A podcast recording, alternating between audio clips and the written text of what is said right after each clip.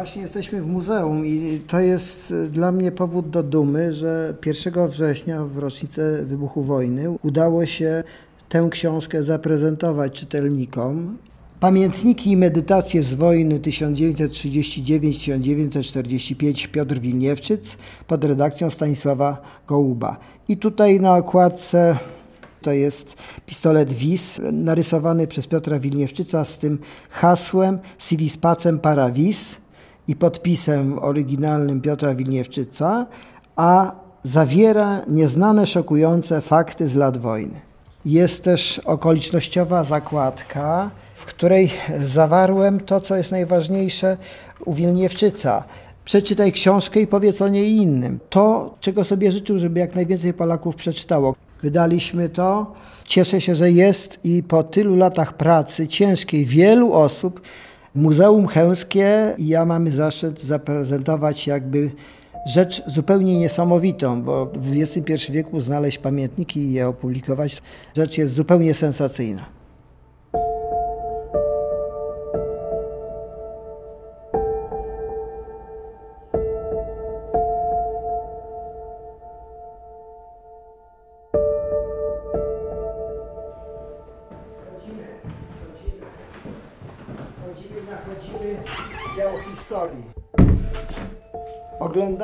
Egzemplarz Wisa, który jest ze zbiorów Muzeum w Chełmie. Jest e, dla mnie ważny, dlatego że kiedy prezentowaliśmy książkę, to pokazaliśmy tę kultową broń polską. Piękny egzemplarz. Na jednej okładzinie ma fabryka broni FB, a na drugiej pierwsza wersja Wisa to był Wis przez WIS, Wilniewczyc i Skrzypiński który był drugim współkonstruktorem, on się zajmował tymi sprawami mechanicznymi. Rząd polski kupił licencję i wprowadził nazwę w języku łacińskim siła, vis. Z drugiej strony w trójkącie jest siła. Egzemplarz jest bardzo dobry. Widać, że był znakomicie przechowywany. Na większości powierzchni zewnętrznych są ślady oksydacji, znakomicie zachowane. Okładzina się zachowała, więc my to nazywamy egzemplarzem magazynowym lub egzemplarzem w użyciu. Nie był to egzemplarz schowany w ziemi. Możemy sprawdzić, czy się przeładowuje. Zabezpieczenie jest, odciąga się kurek, wiemy, że nie ma amunicji części, które są ruchome, wykazują ślady zużycia oksydacji. Ja nie jestem ekspertem od balistyki, ale zapewne był używany.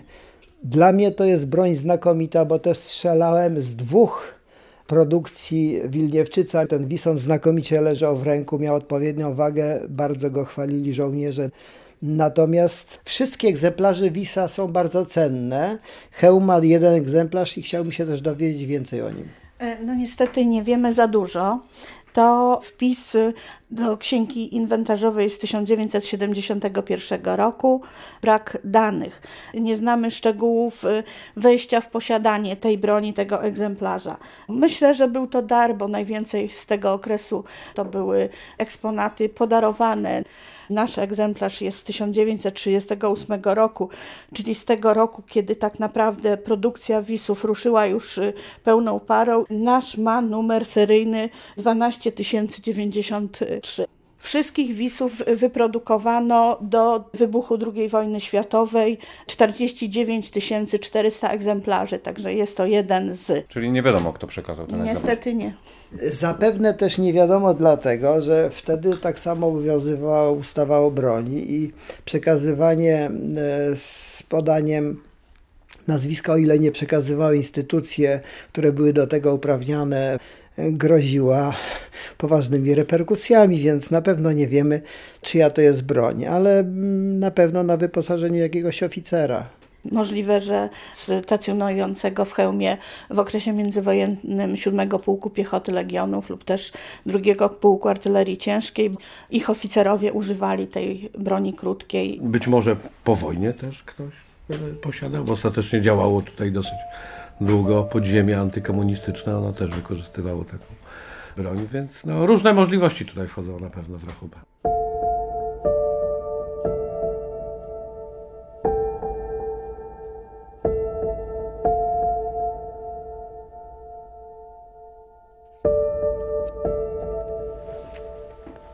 Ja przygotowałem część rzeczy z archiwum. Wyciągam tutaj taką ilustrację. E, była to rzecz bardzo ważna dla Wilniewczyca, widać, bo nakleił ją, podpisał. Wykonał własnoręczny rysunek Wisa.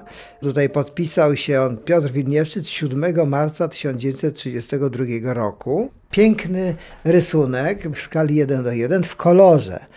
Ten pistolet wykorzystałem na okładce. Tutaj jest jeszcze numer patentu 15567 i został udzielony 8 lutego 1932 roku. No, wiz był znakomitą konstrukcją, bardzo celną, bardzo dobrze wyważoną, przylegającą do dłoni i niezawodną. On nie miał zacięć, nie miał przypadkowych postrzałów, miał tam zwolniony samoczynnie kurek, dlatego było go łatwo załadować i używać w warunkach bojowych. Pistolety się zacinały waltery. Piasek, nie piasek, wis przeszedł wszelkie próby w Polsce i za granicą i e, zachował się znakomicie i używany był bardzo długo. Fabrykę broni w Radomiu przejęli Niemcy i nadal produkowali wisy i używali ich. W książce zamieściłem bardzo ważne, rzadkie zdjęcie, mianowicie Piotr Wilniewczyc na pokładzie statku płynie do Buenos Aires. Był oddelegowany na specjalną misję polskiego rządu do Argentyny, ale także do krajów sąsiednich. Tutaj jest z dwoma osobami. Jeden to był strzelec muszyński, ponieważ oni wzięli udział w konkursach na ciężkie karabiny maszynowe, ale jednocześnie wcześniej wysłano transport broni pokazowej na wystawę, między innymi partię Wisów, którą e, chciano zareklamować, potem eksportować do tych krajów. Owocem misji, czego już nie ma w książce, jest sprawozdanie z podróży służbowej do Argentyny, gdzie był od 14 października 1936 roku do 9 e, lipca 1937 roku, gdzie on w uzupełnieniu podał program konkursu na karabiny maszynowe, wnioski, próby. To był człowiek metodyczny, ścisły, który pracował, jak pisała jego żona, kilkanaście do kilkudziesięciu godzin na dobę. Ten egzemplarz jest też no, niesamowicie ważny, bo to było dla Państwowej Wytwórni Uzbrojenia i to jest z rysunkami odręcznymi, tutaj w postaci kopii. I to była misja, którą zrealizowali oczywiście bez powodzenia, dlatego że no, wkrótce wybuchła wojna i ta rzecz eksportu tej znakomitej broni się nie udała.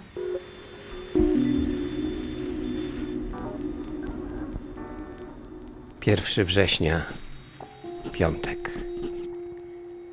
Najazd niemiecki na Polskę dziś został rozpoczęty.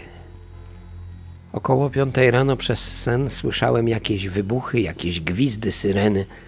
Żona obudziła mnie, pyta, czy to alarm lotniczy. Mówię do niej, a jeżeli alarm, to co? Śpi i daj mnie spać. O siódmej wstałem jak zwykle. Otworzyłem radio. Wiadomości niepokojące, lecz słowa wojna jeszcze nie ma. Chcę iść do biura, raptem alarm. Tramwaje stają, ludzie schodzą do bramy naszego domu. Do biura przychodzę z opóźnieniem. W biurze już wszyscy wiedzą o wojnie. To, co słyszałem przez sen, było nalotem.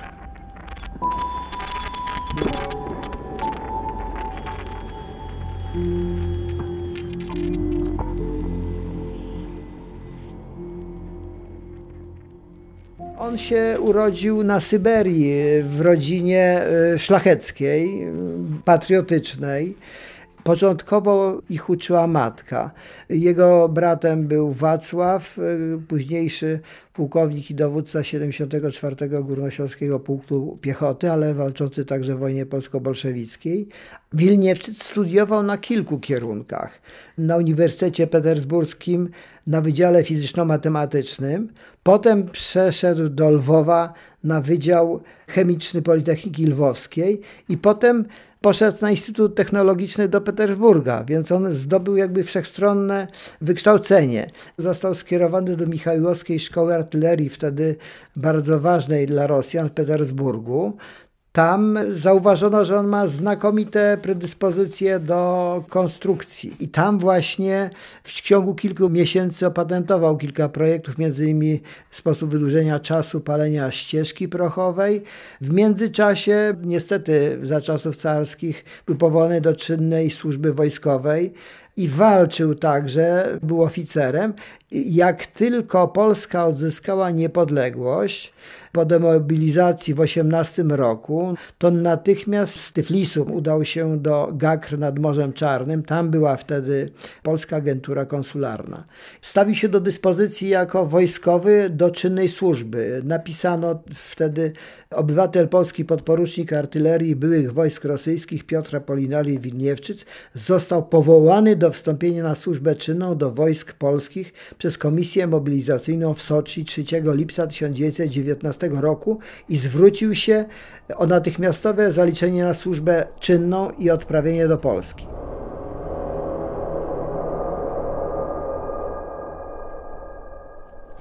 Siódmy września, czwartek. Budzimy się wśród nocy na skutek dzwonków i energicznego pukania do drzwi wejściowych. Od drzwi sąsiadka, dyrektorowa, kobieta lekarz. Uważa, że powinna mnie obudzić, gdyż mężczyźni masowo opuszczają Warszawę. Mówią, że Niemcy są już w Młocinach. Jej mąż z paru urzędnikami wyjechał autem już z wieczora w kierunku naszej fabryki w Kraśniku. Żona jest mocno zdenerwowana, ściąga mnie z łóżka. Jestem rozespany. Godzina około czwartej rano. Już jest widno. Z okien widzimy nieprzerwany sznur ludzi pieszo na rowerach z wózkami ręcznymi, rzadko furmanki. Wszystko to wali od strony Bielan w kierunku śródmieścia. Idą też sznurem zakonnice z ulicy Kraśnickich. Niektóre mają tobołki. Żona nagli do wyjazdu. Droższe rzeczy, futra, ubrania, bielizna już od paru dni leżą zapakowane na wypadek pożaru w domu. Nie potrzebujemy się więc długo namyślać. Proszę o herbatę. Żona się wścieka. Teraz myśleć o herbacie? Idź raczej do auta i podstaw pod drzwi. Stanowczo odmawiam, dopóki nie zjem śniadania. Żona z pasją bierze się do gotowania herbaty. Idę tymczasem do garażu. Bak przezornie napełniony pod korek jeszcze w dniu 31 sierpnia. Do kraśnika wystarczy na pewno. Maszyna przejrzana i nasmarowana, przyprowadziłem ją pod ganek.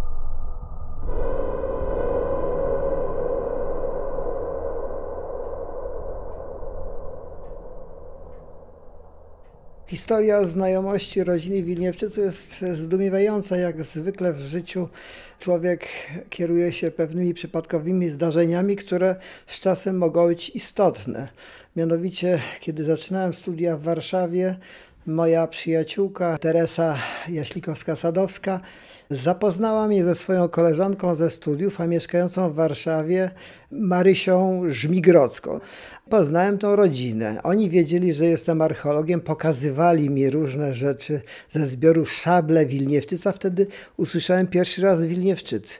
Zobaczyłem te artefakty u nich w domu, te pozostałości, które w części przekazali, jak się potem okazało, Muzeum Wojska Polskiego.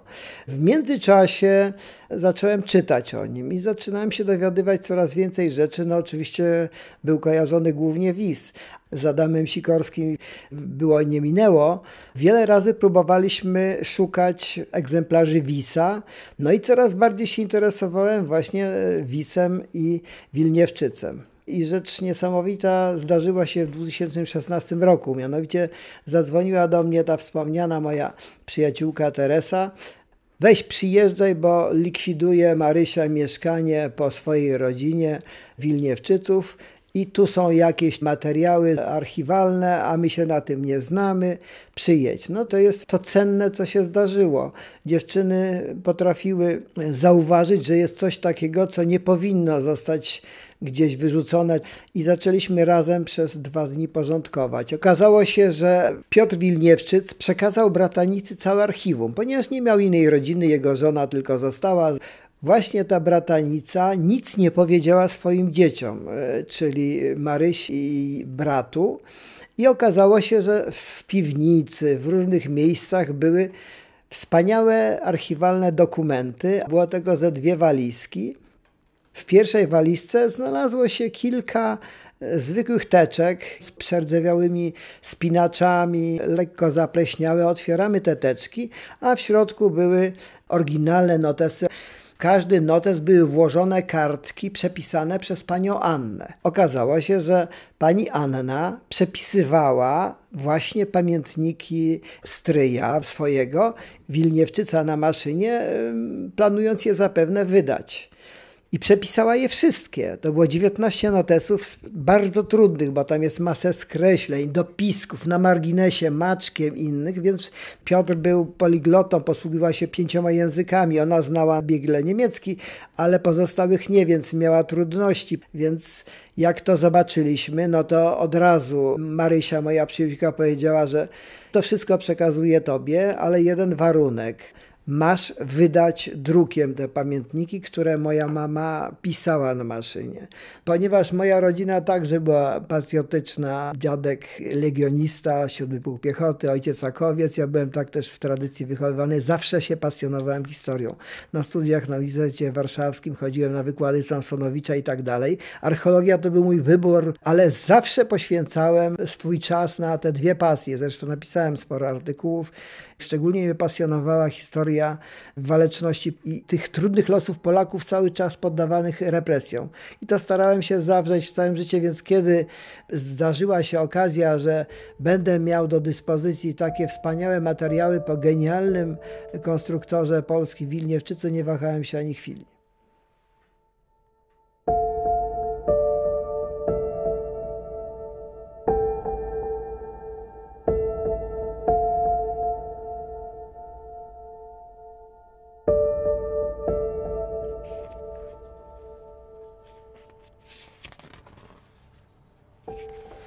To są te pamiętniki i medytacje, tak to wygląda. Medytacje może były pisane jako analiza już na miejscu, natomiast Wilniewczyc zapisywał to w takich małych notesach. 7 na 15, kodował je, stosował różne nazwy, Widać, że część była pisana na bieżąco. Trudno sobie wyobrażać, że siedział sobie nocą na furmance, pisał w notesie, ale pisał na kartkach. Część była przepisywana, ale to są relacje bezpośrednie, pisane każdego dnia są przez to żywe. Dokonywał później jakieś korekty, parę notesów, to są rzeczy widocznie przepisane i zdawał sobie sprawę z tego, mamy takie zapiski, znaleźć nie potrafię. Czyli z tych świstków stworzył ciąg chronologiczny gotowy do opublikowania w jedną książkę. Na początku przyjęliśmy z nieżyjącą moją e, krewną Elą Poźniak, że należy przepisać to, no by było łatwiej, z maszynopisów. Okazało się po przepisaniu, wprowadzeniu w wersję elektroniczną, to co było podstawą tworzenia książki, że jest tam cała masa błędów Wprowadzono interpunkcję i słownictwo lat 60., a właściwie lat 70., 80., czyli nie tak jak pisano przed wojną, nie tak jak pisał Wilniewczyc w tym czasie. A co było najgorsze, no z jakichś powodów, może pani Anna myślała, że jeżeli trochę złagodzi ten opis albo pominie pewne fragmenty, to zostaną one wydane. Zostały wycięte bardzo drastyczne sceny, a szczególnie związane z epizodami żydowskimi.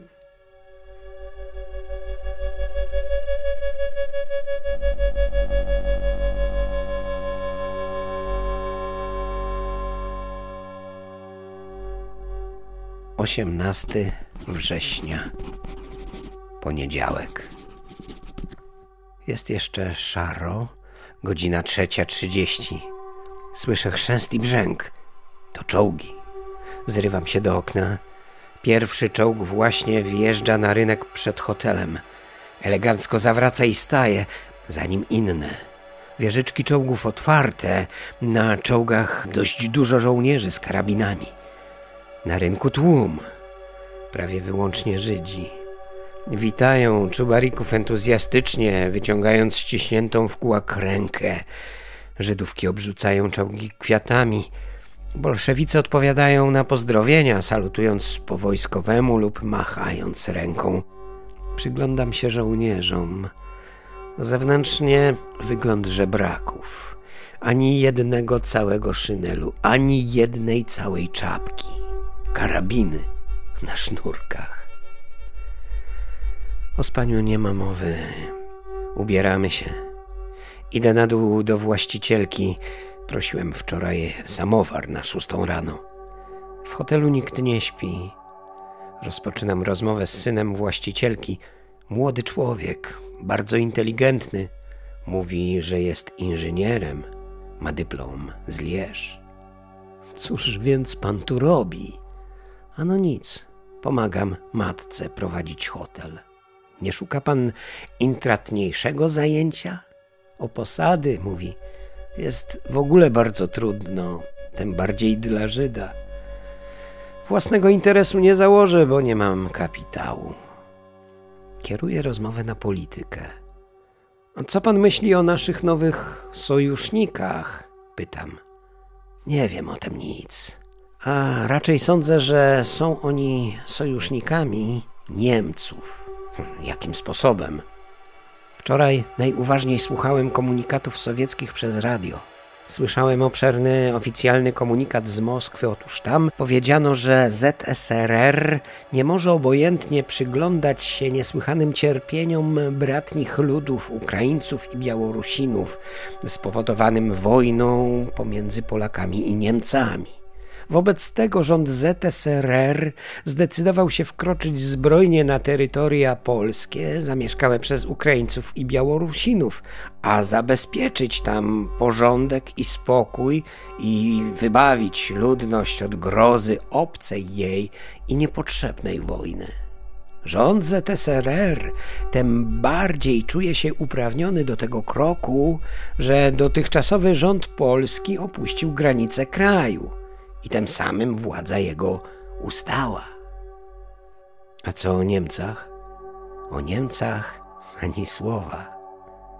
Zaznaczonym tylko było, że terytoriów zamieszkałych przez ludność polską bolszewicy nie tkną.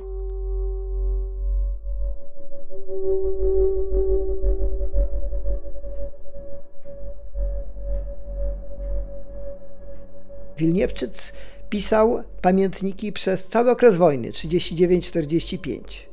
Jest to najszerszy opis kronikarski dotyczący całego okresu wojny, pisany w sposób ciągły przez jedną osobę, ale najważniejsze jest to, że ta osoba znalazła się w większości najważniejszych momentów historii II wojny światowej w Polsce. Uczestniczył w tych najważniejszych punktach przełomowych wojny.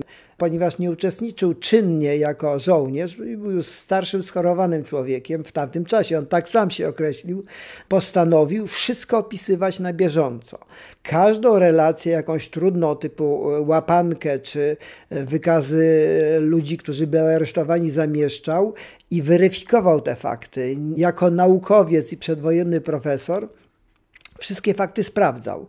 Jest to znakomity dokument naukowy, bo tutaj nic nie zostało zmienione. Są też nazwiska, listy straconych, podane szczegóły, kto to napisał. On weryfikował fakty, więc jest to dokument historyczny zawierający wiele elementów nowych. I dlatego te pamiętniki, a szczególnie medytacje są ważne, bo w medytacjach on wykonał analizę wybuchu wojny, doktryny wojskowej Polski i krajów europejskich, a także skali zniszczeń kultury polskiej, obiektów. Dokonał podsumowania, co to po tylu latach dokonywać próbują władze polskie, a on to już wtedy zrobił.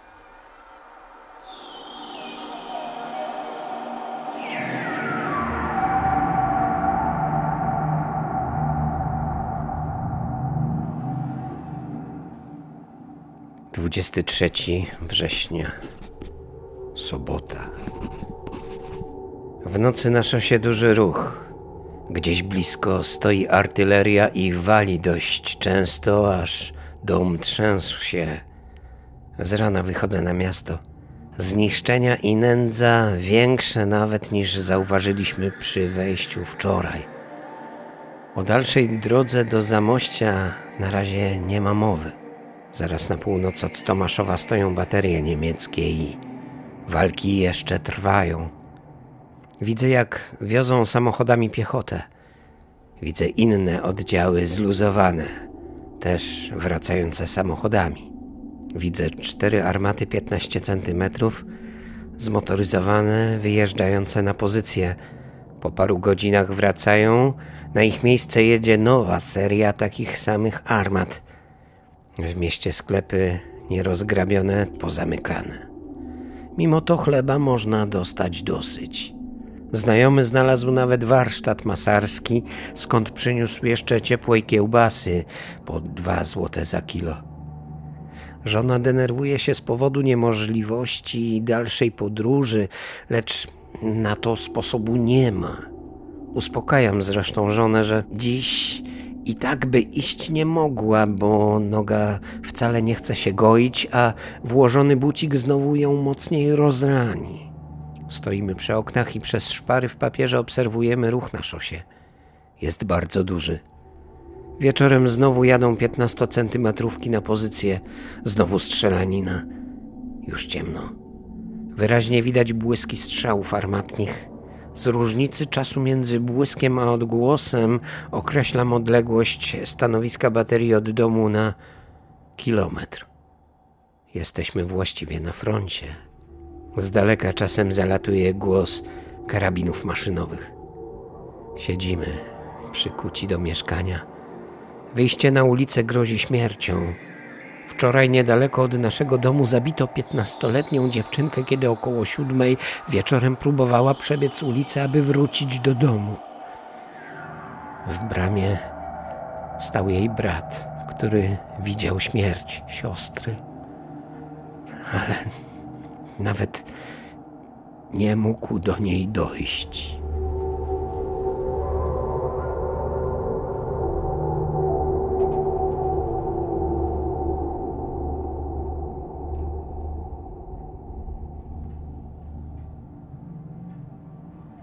Bardzo mało poświęca miejsca swojej osobie. Wiemy, że prowadził działalność jako żołnierz AK, bo on działał głównie jako rusznikarz. Był no, znakomitym rusznikarzem i on pomagał powstańcom. Tam chyba z jeden czy dwa opisy są, że no, był w warsztacie rusznikarskich, ponaprawiał tą broń, która była w pierwszym okresie powstania bardzo licha. Mówił, że te młode chłopaki są biedni, bo nie mają dobrej broni i on w tym uczestniczył. Uciekając z Warszawy został złapany, internowany. Cały czas lawirował między życiem a śmiercią. Udało mu się, został skierowany do obozu przejściowego w Pruszkowie. Potem tą straszną drogę powrotu do Warszawy, co nie było łatwe. Opisuje, jak niszczyli ją Niemcy, a potem jak e, była zamknięta, bo rozminowywali, że jak rabowano w Warszawie.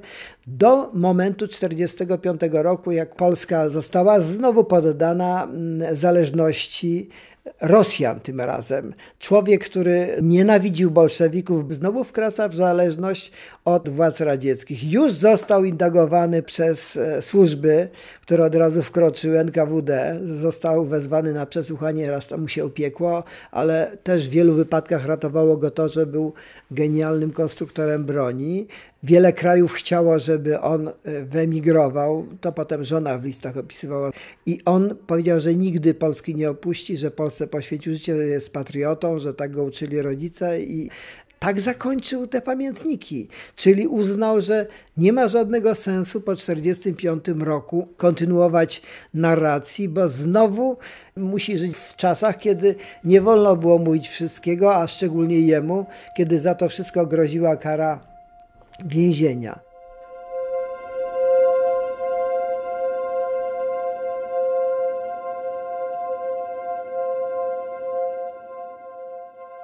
25 września, poniedziałek. Szosa zupełnie pusta. Po przejściu jakichś dwóch kilometrów widzimy na szosie rozbitą baterię polową polską. Została najwidoczniej rozbita w marszu. Działa, jaszcze, konie, ludzie w niesamowitej kotłowaninie leżą na szosie i w rowach przybocznych. Na prawo i lewo od drogi leżą trupy naszych żołnierzy. Jest ich dużo. Niemcy już są pochowani. Widzimy kilka mogiłek z hełmami niemieckimi na krzyżach. Na szosie i obok rozrzucone nasze hełmy, pasy, amunicja, taśmy, karabiny maszynowe, maski gazowe, skrzynki z amunicją. Idziemy dalej wśród silnego smrodu. Pobojowisko nie kończy się długo. Z lewej strony szosy widzimy dwóch żołnierzy niemieckich, maruderów. Idą od trupa do trupa i przeszukują kieszenie. Robią to równie systematycznie i beztrosko, jak wiejska kobieta zbierająca poziomki w lesie. Na górze za zakrętem wieś. Przy niej znowu leżą trupy ludzi i koni. Największe wrażenie robi na mnie trup jednego żołnierza. Siedzi wygodnie w rowie przy szosie. Ręce ma złożone tak, jakby chciał wdziać nitkę do igły. Twarz spokojna i skupiona. W hełmie na czole dziura od kuli karabinowej.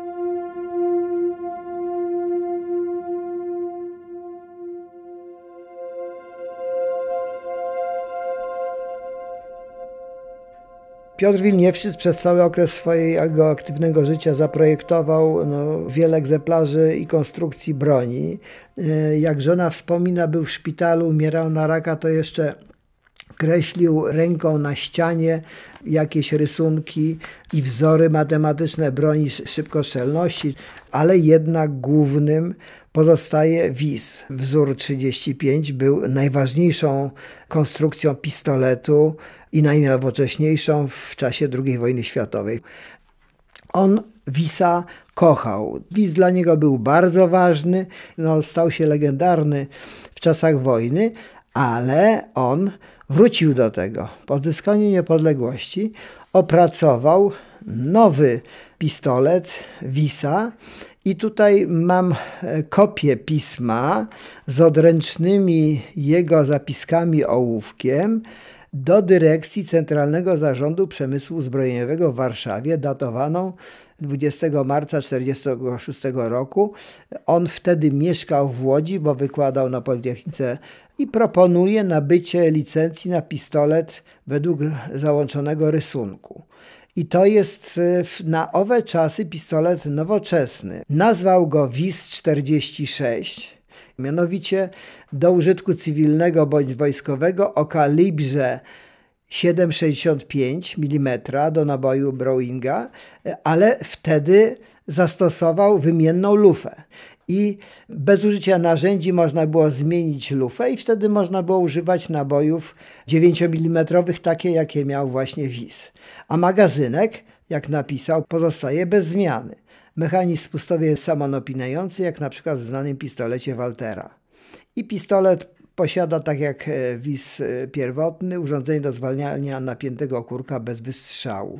Rozkłada się i składa do czyszczenia bez użycia narzędzi. W konstrukcji pistoletu zostały zachowane najnowsze udoskonalenia i osiągnięcia w dziedzinie budowy pistoletów. I tak podpisał Wilniewszyc. Jest to rzecz zupełnie nieznana i nowa. Widocznie Centralny Zarząd Przemysłu Zbrojeniowego i Ministerstwo jakby wrzuciły do szafy, a może nie chciały z tych względów, że to był słynny wiz przedwojenny. Trudno powiedzieć dlaczego. Sprawa nie ujrzała światła dziennego.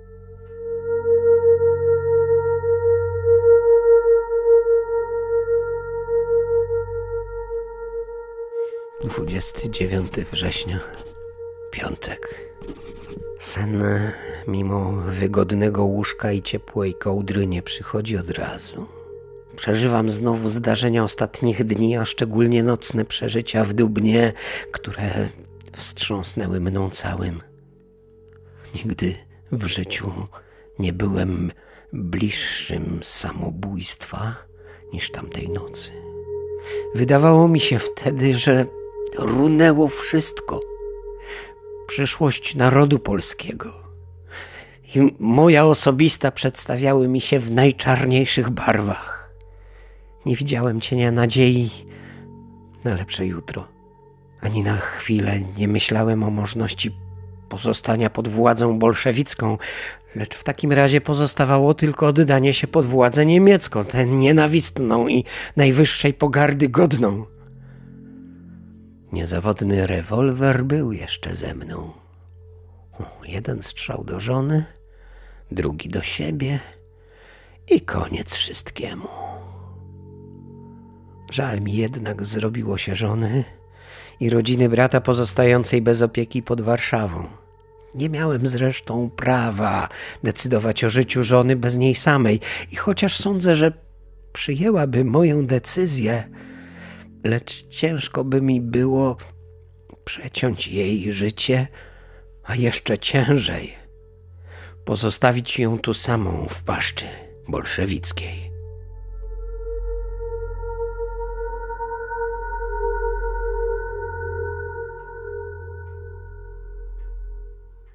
Wilniewczyc kilka razy w swoich pamiętnikach wyraźnie napisał, że przyjdą czasy wolne i on chce, żeby jak najwięcej Polaków przeczytało te jego pamiętniki w kilku aspektach, żeby uniknąć błędów wojny, że wojna jest największym okrucieństwem i należy też wiedzieć o tym, że zawsze znajdą się szaleńcy, którzy mogą wywołać wojnę. Zresztą, jak widać, te jego wpisy nie straciły na aktualności.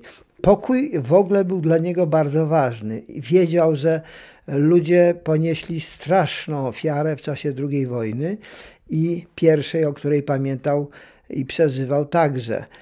Ale wiedział, że jednak są państwa, są jednostki paranoiczne, będą dążyły do wojny i dlatego mówił, żeby skutecznie bronić pokoju, trzeba budować przemysł obronny inny. On to wiedział, był zawodowym wojskowym profesorem przedwojennym, powojennym, pisał o tym i to przewidywał. I on w książce broni strzeleckiej do właśnie męża pani Ani napisał Sivis pacem paravis i myśmy to użyli, że chcesz pokoju, to jednak szykuj wisa, żeby pamiętać, że pokoju trzeba bronić. Tak już niestety jest, że ludzie są zróżnicowani i ulegają takim różnym instynktom pierwotnym.